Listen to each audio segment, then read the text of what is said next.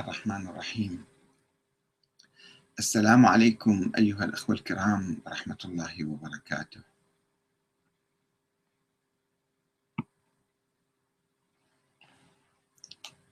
نبحث اليوم موضوع صغر عمر بعض الأئمة. كالإمام الجواد والإمام الهادي وغيرهما. هل كان فعلا يعني هذا مسموح به في الفكر الشيعي أو غير مسموح به. نظرية الإمامة الإلهية هي ما يسمى بالتشيع الديني في مقابل التشيع السياسي. التشيع السياسي هو جامع لكل المسلمين. كل المسلمين كانوا يحبوا أهل البيت ويلتفون حولهم ويوالوهم ولم تكن هناك مشكلة حول أهل البيت لدى المسلمين إلا أن الغلو بأهل البيت والتطرف في يعني اعتناق بعض النظريات الخاصة هو الذي يعني فرق بين المسلمين. وهو أيضا في نفس الوقت يعني أثر سلبا على الشيعة أنفسهم. ونظرية الإمامة عندما ولدت في القرن الثاني الهجري نظرية الإمامة الإلهية أن الأئمة يجب أن ينصبوا من قبل الله تعالى. يتوارثون الإمامة واحدا بعد واحد وبصورة عمودية صورة عمودية في الأبناء وأبناء الأبناء. الأعقاب وأعقاب الأعقاب. هكذا أبدا إلى يوم القيامة. ولا يجوز انتقال الإمامة إلى أخ أو ابن أخ أو عم ابن أو ابن عم. كما كان يقول الزيدية مثلا. هذه النظرية تعرضت إلى امتحان أو امتحانات عديدة. منها موضوع البداء وقد تحدثنا عن حدوث البداء الذي أحدث هزة كبرى في أتباع هذه النظرية في أواسط القرن الثاني الهجري عندما انطلقت هذه النظرية وعندما ولدت. فقد أوصى الإمام جعفر الصادق إلى ابنه إسماعيل فتوفي في حياته. فتساءل الناس المؤمنون بهذه النظرية كيف يعني يموت إمام معين من قبل الله؟ قبل وفاة أبيه وقبل أن يصل الدور له. بما يعني أنه هذا الكلام مو صحيح ما إلى دليل شرعي. وأن الإمامة ليست من الله إنما هي مسألة عرفية. الإمام الصادق يعني أوصى إلى ابني قال هذا ابني إن شاء الله يكون بعد إمام. والإمام لم يكن يتحدث عن نص إلهي. إنما بعض الغلاة أو المتطرفين أو أصحاب نظرية الإمامة من المتكلمين كانوا ينسجون نظريات حوالي أهل البيت ويلصقونها بأهل البيت وهم لا يعرفونها. لأن من أهل البيت كانوا يقولون نحن أناس عاديين ليس لنا ما لغيرنا ونحن لسنا معصومين ولا معينين من قبل الله. وأحاديث موجودة بالكافي موجودة بالتراث الشيعي ولكن يتم غض النظر عنها وتأويلها بصورة معكوسة بأنها للتقية ولكن الواقع ماذا يقول؟ هذه الأحاديث يعني غير صحيحة وتلك الأحاديث صحيحة لنرى ماذا يقول الواقع. هذه النظرية المتشددة أن الإمامة بالأعقاب وأعقاب الأعقاب وبالوراثة واجهت تحديات بعد موضوع البداء وتغيير الإمام واجهت مشكلة كبرى ومعضلة كبرى هي معضلة صغر بعض الأئمة. فتوفي الإمام الرضا مثلا وابنه محمد الجواد عمره سبع سنوات.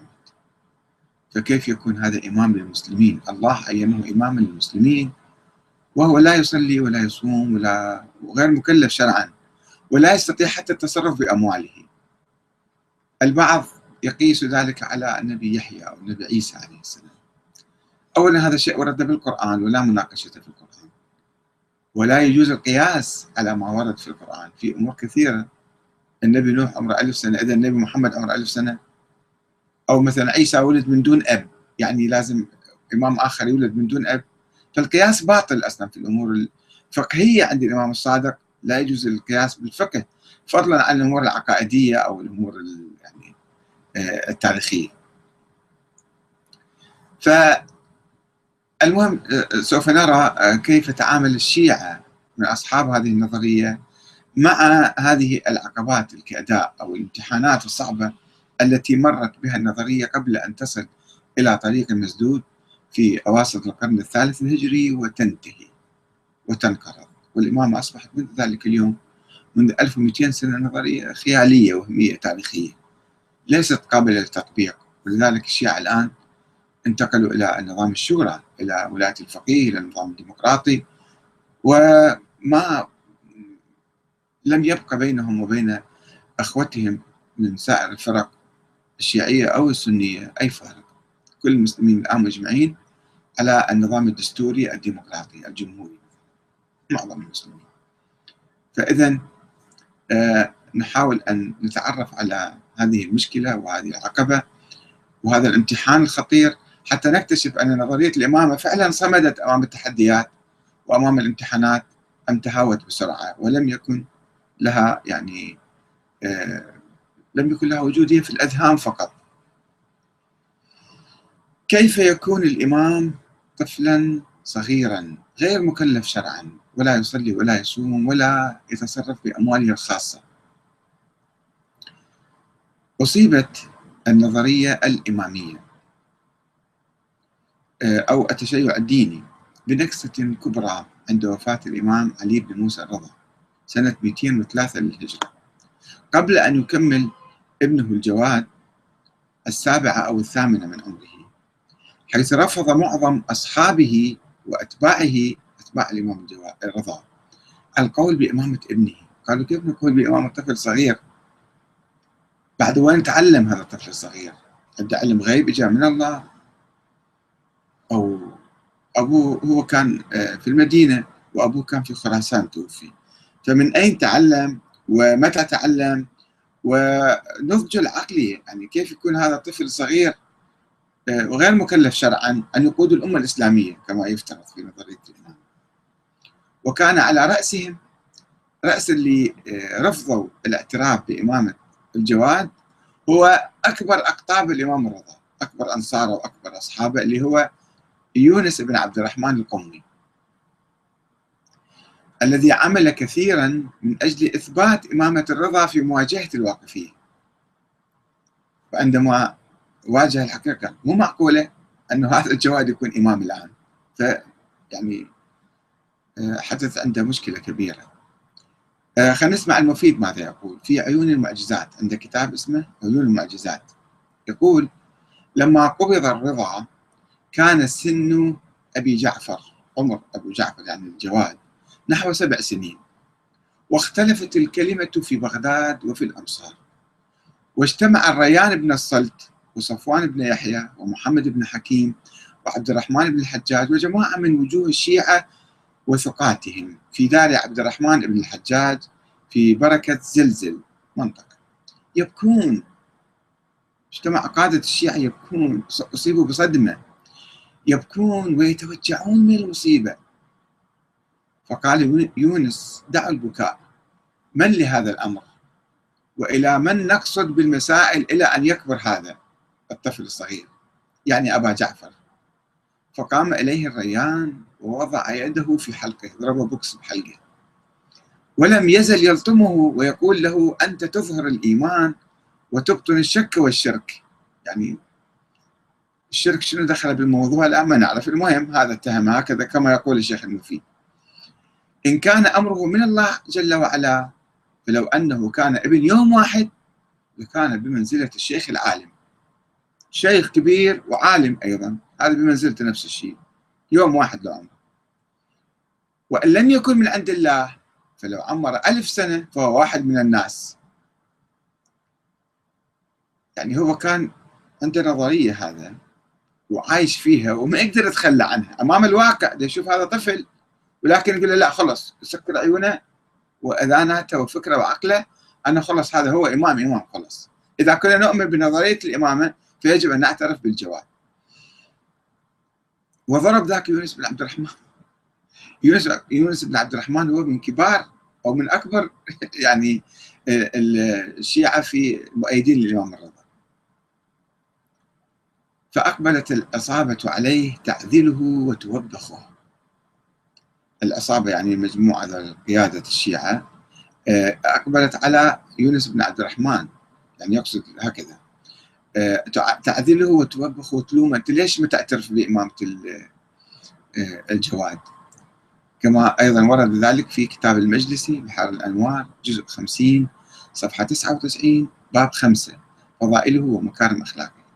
ولذلك يقول المفيد قاطع أصحاب الجواد والعسكري يونس ابن عبد الرحمن ورفضوا الصلاة خلفه وخلف أصحابه اليونسية سموهم اليونسية. صارت كأنه فرقة جديدة اليونسية. متى اعترف بإمامة الصغير؟ فهل كانت على حق أم كانت على باطل؟ خلينا نشوف. وبالرغم من تحدث المؤرخين الشيعة المتأخرين بعد في 100 سنة يعني كالنوبختي والأشعري القمي عن ذهاب قسم من شيعة الرضا للقول بإمامته بإمامة الجواد يقول ذهبوا قسم منا إلى القول بإمامته. فلا يوجد في الحقيقة أي مؤشر على كون هؤلاء فريقا يعتد به. يعني المفيد جاب قصة الجماعة اللي ضربوا يونس بن عبد الرحمن. وأنه بختي والاشعري القمي أيضا هم إمامية. كانوا يقولون إنه اي فريق من الشيعة ذهب وذلك لعدم قدرة ذلك الصبي على قيادة الشيعة عمليا أو توجيههم بشيء. وعدم ظهور علامات خارقة عليه كما ظهرت على النبي يحيى أو النبي عيسى عليه السلام. ما يجوز نقيس يعني هكذا. وقد قال عامة الشيعة إن من كان له من السن ما ذكرناه. هذا نوبختي يقول. إن من كان له من السن ما ذكرناه ولم يكن من بالغ الحلم ولا مقاربيه ولا حتى مقارب الحلم. والله تعالى يقول وابتلوا اليتامى حتى إذا بلغوا النكاح. بلغوا الحلم يعني. فإن آنستم منهم رشدا فادفعوا إليهم أموالهم. وإن كان وإذا, وإذا كان الله تعالى قد أوجب الحجر على هذا في أمواله لا لإيجابه ذلك في جملة الأيتام يعني مثل الأيتام هو يتيم صار أيضا. بطل أن يكون إماما. شلون هذا؟ هو واحد من ذول الأيتام اللي الله يقول لا تعطوهم فلوسهم حتى حتى يكبرون. فإن أنستم رشدا فادفعوا إليه أموالهم. بطل أن يكون إماما لأن الإمام هو الوالي على الخلق في جميع أمر الدين والدنيا. هذا المفروض إمام المسلمين يعني. وليس يصح أن يكون الوالي على أموال الله تعالى. كلها من الصدقات والأخماس والمأمون على الشريعة والأحكام وإمام الفقهاء والقضاة والحكام والحاجر على كثير من ذوي الألباب في ضروب من الأعمال. يعني مثلا واحد مفلس ولا واحد كذا هو يجي يحجر عليه يحجر على أمواله. آه، في ضروب من الأعمال من لا ولاية له على درهم واحد من والي نفسه. هو ما يستطيع يتصرف بدرهم واحد ما ينطو حسب ما تقول الآية الكريمة حسب ما يقول القرآن الكريم. ولا يؤمن على النظر لنفسه ما يقدر يدير نفسه. شلون يدير الأمة الإسلامية؟ ومن هو محجور عليه لصغر سنه ونقصان عقله. بعد مو ناضج عقله مو كامل. لتناقض ذلك واستحالته. هذا كيف يصير؟ هذا تناقض يصير؟ مو معقولة مع القرآن. يعني والواقع كان يثبت ذلك. هذا تجدون القول. أن الشيعة قالوا بهذا القول. الأشعر القمي في المقالات والفرق. صفحة أيضا 69 96 والمفيد يم يذكر هذا الجماعة ذولا في الفصول المختارة صفحة 112 و 113 وأما الذين قالوا بإمامة الجواد دول الناس اللي رفضوا الإمامة. طيب خلينا نشوف نستمع إلى نظر الذين قالوا لا هو إمام حتى لو كان يوم واحد عمره. في ذلك العمر كعمر ست سبع سنوات. فقد وقعوا في أزمة كبيرة واضطربوا في الإجابة على مشكلتي العمر والعلم عمره شلون يصير صغير هو إمام وعلمه من وين اجى مسألة مرتبطة بمسألة أخرى. فقال بعضهم لا يجوز أن يكون علمه من قبل أبيه لأن الرضا ذهب إلى خراسان والجواد ابن أربع سنين وأشهر كان باقي في المدينة. لما أبو سافر. ومن كان في هذه السن فليس في حد من يستفرغ تعليم معرفة دقيق الدين وجليله. ما يقدر يفهم يعني أبسط المسائل. ولكن الله علمه ذلك عند البلوغ. لما كبر فالله مرة واحدة مثل الأنبياء أعطاه علم يعني. بضرب بضروب مما يدل على جهات علم الإمام مثل الإلهام والنكت في القلب والنقر في الأذن والرؤية الصادقة في المنام والملك المحدث له ووجوه رفع المنار والعمود والمصباح وعرض الأعمار. نظريات عديدة الغلاة كانوا يقولون بها في علم الإمام أن علم الإمام مو بالتعلم. علم الإمام بمثل وحي مثل النبي. يعني ذول الفرقة اللي قالوا الأئمة هم أنبياء لأن علمهم من الله يجي. فقالوا طيب مشكلة هذا علمها مات من الله. وما إلى ذلك مما كان يقوله غلاة الإمامية بحق الأئمة السابقين. واستشهدوا بآية من القرآن الكريم تقول وآتيناه الحكم صبيا. على يحيى. قالوا كما أعطى الله النبوة ليحيى وهو طفل صغير وكما أعطاها لعيسى وهو طفل صغير كذلك فلما لا يجوز أن يعطي الإمامة لمحمد الجواد وهو ابن سبع سنين؟ وأخذوا يحبكون الروايات عن الرضا والجواد حول إمكانية تولي الطفل أو الأطفال للإمامة قال ممكن في نظرية الإمامة الأطفال يعني فرووا عن الجواد. أنه قال لمن استشكل في عمره جابوا رواية قال له واحد أنت طفل صغير شلون تصير إمام؟ فهو أجاب. طبعا هم يحبكون الروايات وينسبوها للإمام قال إن الله تعالى أوحى إلى داود أن يستخلف سليمان وهو صبي يرعى الغنم. من جاب الرواية؟ ما أدري.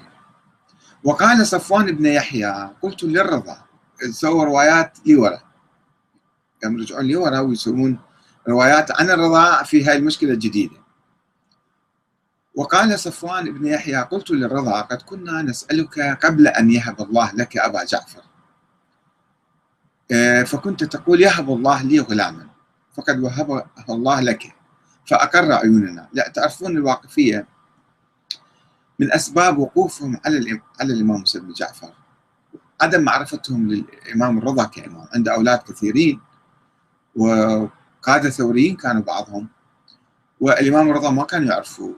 وثم قالوا أنت ما عندك أولاد. كان تقريبا يعني عمره فوق ال 40 45 سنة ما إجا ولد الإمام الرضا.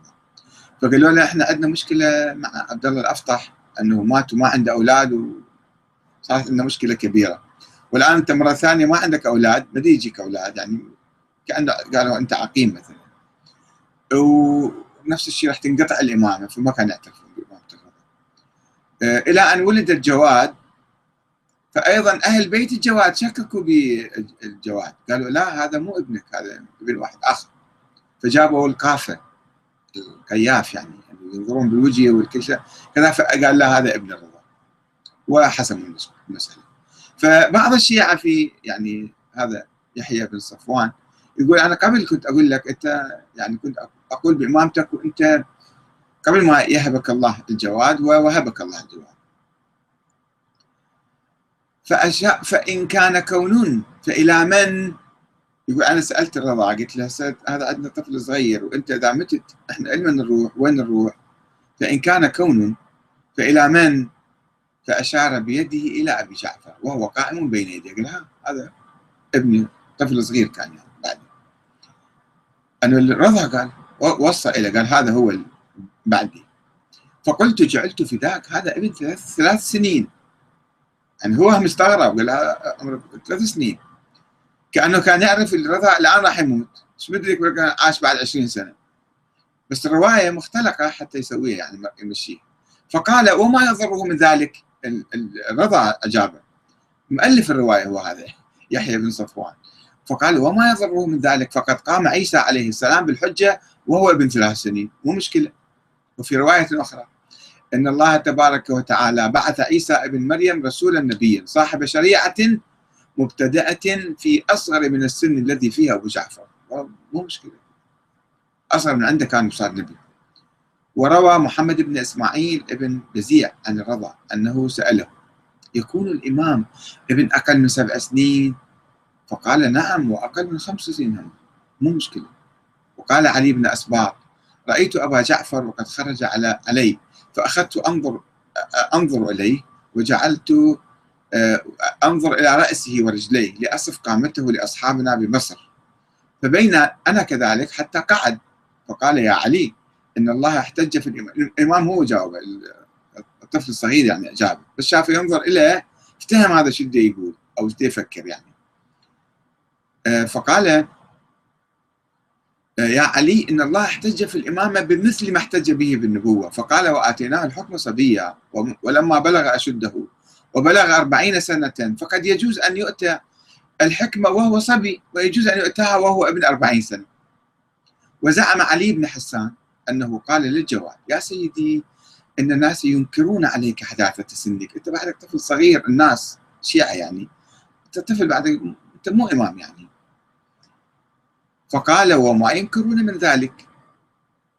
وما ينكرون من ذلك قول الله عز وجل لقد قال الله عز وجل للنبي صلى الله عليه وآله قل هذه سبيلي أدعو إلى إلى الله على بصيرة أنا ومن اتبعني فوالله ما تبعه إلا علي وله تسع سنين وأنا ابن تسع سنين فإذا مو مشكلة الآن أنا صرت إمام. طيب ذاك كان تابع أنت أنت تقول إمام يعني غير شكل. حتى لو الإمام علي كان عمره تسع سنين عشر سنين ما ما صار إمام في ذاك اللحظة يعني. إمام المسلمين وقائد الأمة الإسلامية. هو أحد أتباع النبي كان. أنت الآن تدعي مثلا يعني أنت تدعي تكون أنت إمام المسلمين. أو هكذا يعني كل الروايات ترى مختلقة. مختلقة ومؤلفة ويركبوها على على الجواد وعلى الرضا وعلى كذا حتى يسوون لهم نظرية معينة.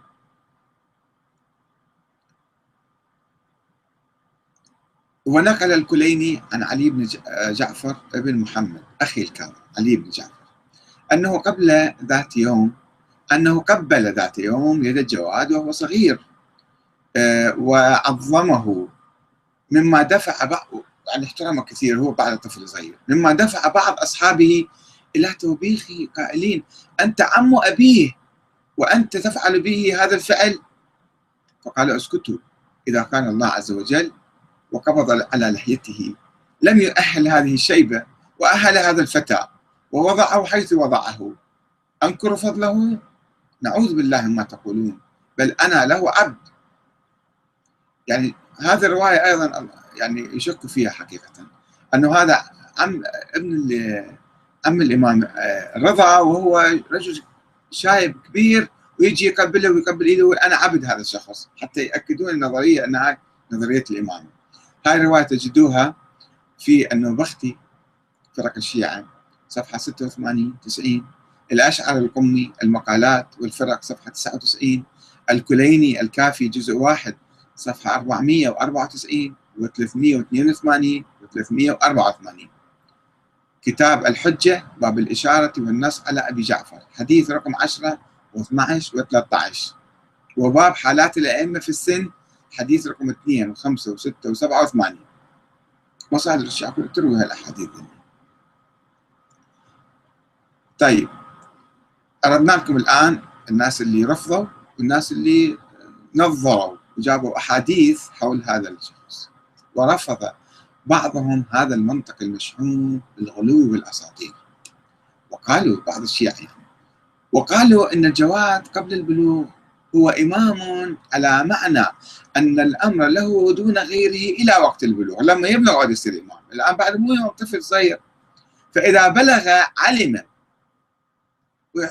إذا صار كبير يصير عنده علم. من وين علمه؟ أيضا لا من جهة الإلهام والنكتي ولا الملك ولا على شيء من الوجوه التي ذكرتها الفرقة المتقدمة. هذا غلات شو العلم؟ النبي يعني ويوحى له هو مو نبي. يتعلم يقرأ يكتب كذا يستمع فيصير عالم. كبقية الأئمة يعني. لأن الوحي منقطع بعد النبي بإجماع الأمة. شلون ينزل وحي على على هذا الطفل الصغير فيصير عالم؟ فيتعلم. شنو المشكلة؟ شوفوا في ناس معتدلين وناس غلاة متطرفين. في صفوف الشيعة في تلك الأيام. الشيعة الإمامية ما علينا هسه بالشيعة الزيدية والشيعة. فرق الشيعة الأخرى.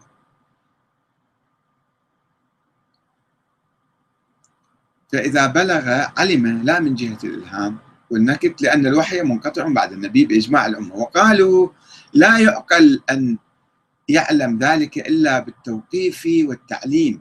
يعني واحد يعلمه. لا الإلهام آه، لا الإلهام والتوفيق.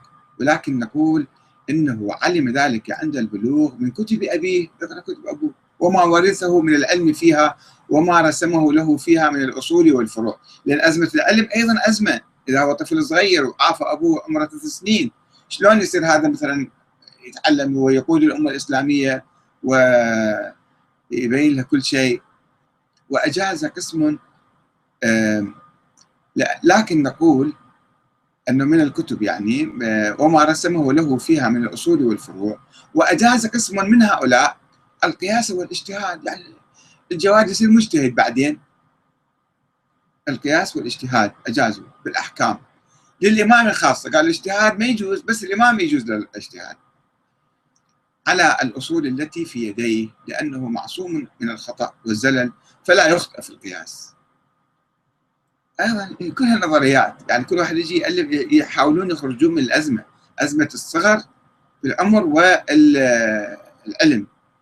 النوبختي فرق الشيعة صفحة 90 وقد روى هذا الفريق عددا من الأحاديث السرية من الرضا حول الإشارة والنص على ابنه محمد الجواد وأنه قال عندما ولد قاموا يسوون أحاديث بس ولد الإمام رضا قال هذا المولود الذي لم يولد مولود أعظم بركة على شيعتنا منه. طيب شو معناته الكلام هذا؟ معناته يدل على الإمام. إذا كان الإمام قال ذلك. وقال لجماعة من أصحابه ألقوا أبا جعفر فسلموا عليه وأحدثوا به عهدا. وقال هذا أبو جعفر. جواد يعني قد أجلسته مجلسي وسيرته مكاني إنا أهل بيت يتوارث أصاغرنا عن أكابرنا القدة بالقدة وأنه دعا بابنه وهو صغير فأجلسه في حجره وقال للحسن بن الجهم جرده وانزع قميصه. فنزعه الحسن فقال انظر بين كتفيه. فنظر فإذا في أحد كتفيه شبيه شبيه بالخاتم داخل في اللحم طمغة عند بكتفه. ثم قال أترى هذا؟ كان ها كان مثله في هذا الموضع من أبي. أنا أبوي كان عنده شيء طمغة. يعني فعلا أحاديث مضحكة في الحقيقة. هذا الكليني يروي في الكافي كتاب الحجة باب الإشارة والنص على أبي جعفر الثاني حديث رقم واحد واثنين وستة وثمانية وتسعة. ومع وجود الشك بصحة هذه الأحاديث فإنها لا تحمل معنى الإمامة المباشرة بعد وفاة الرضا في حالة الصغر وأنها إمامة دينية من الله. إذ يحتمل أيضا أن الرضا كان يأمل أن يرثه ابنه في المستقبل بعد طول عمره إن شاء الله حيث لم يكن يعلم بأنه سوف يموت سريعا في عمر السادسة والخمسين الإمام الرضا توفى. ولكن الإمامية الغلاة منهم خصوصا اضطروا للقول بإمامة الجواد إنقاذا لنظريتهم من التهاوي والسقوط فوقعوا فيما هو أعظم من التناقض مع القرآن الذي يأمر بالحجر على الأطفال أو ممارسة القياس الباطل على بعض الأنبياء السابقين كما يقيسون على يحيى وعلى عيسى. بدون دليل أو ادعاء علم الغيب للإمام قاموا يدعون الإمام أدى علم الغيب. ما يحن مضطرين ما عندهم طريق آخر إلا أن يقولون الإمام عنده علم غيب أو وحي من الله ينزل عليه. يعني كلام أخطر صار هذا. وكان لابد أن يبنوا قولهم على مجموعة من حكايات المعاجز والعلم بالغيب. صاروا يجيبوا له قصص الإمام الجواد كما عرفت الجواد وهو في المدينة بوفاة أبيه وهو في خراسان في نفس الساعة. الإمام لازم يصير إمام بسرعة بعد وفاة أبوه. هو عمره سبع سنين وقاعد بالمدينة وأبوه في خراسان توفى.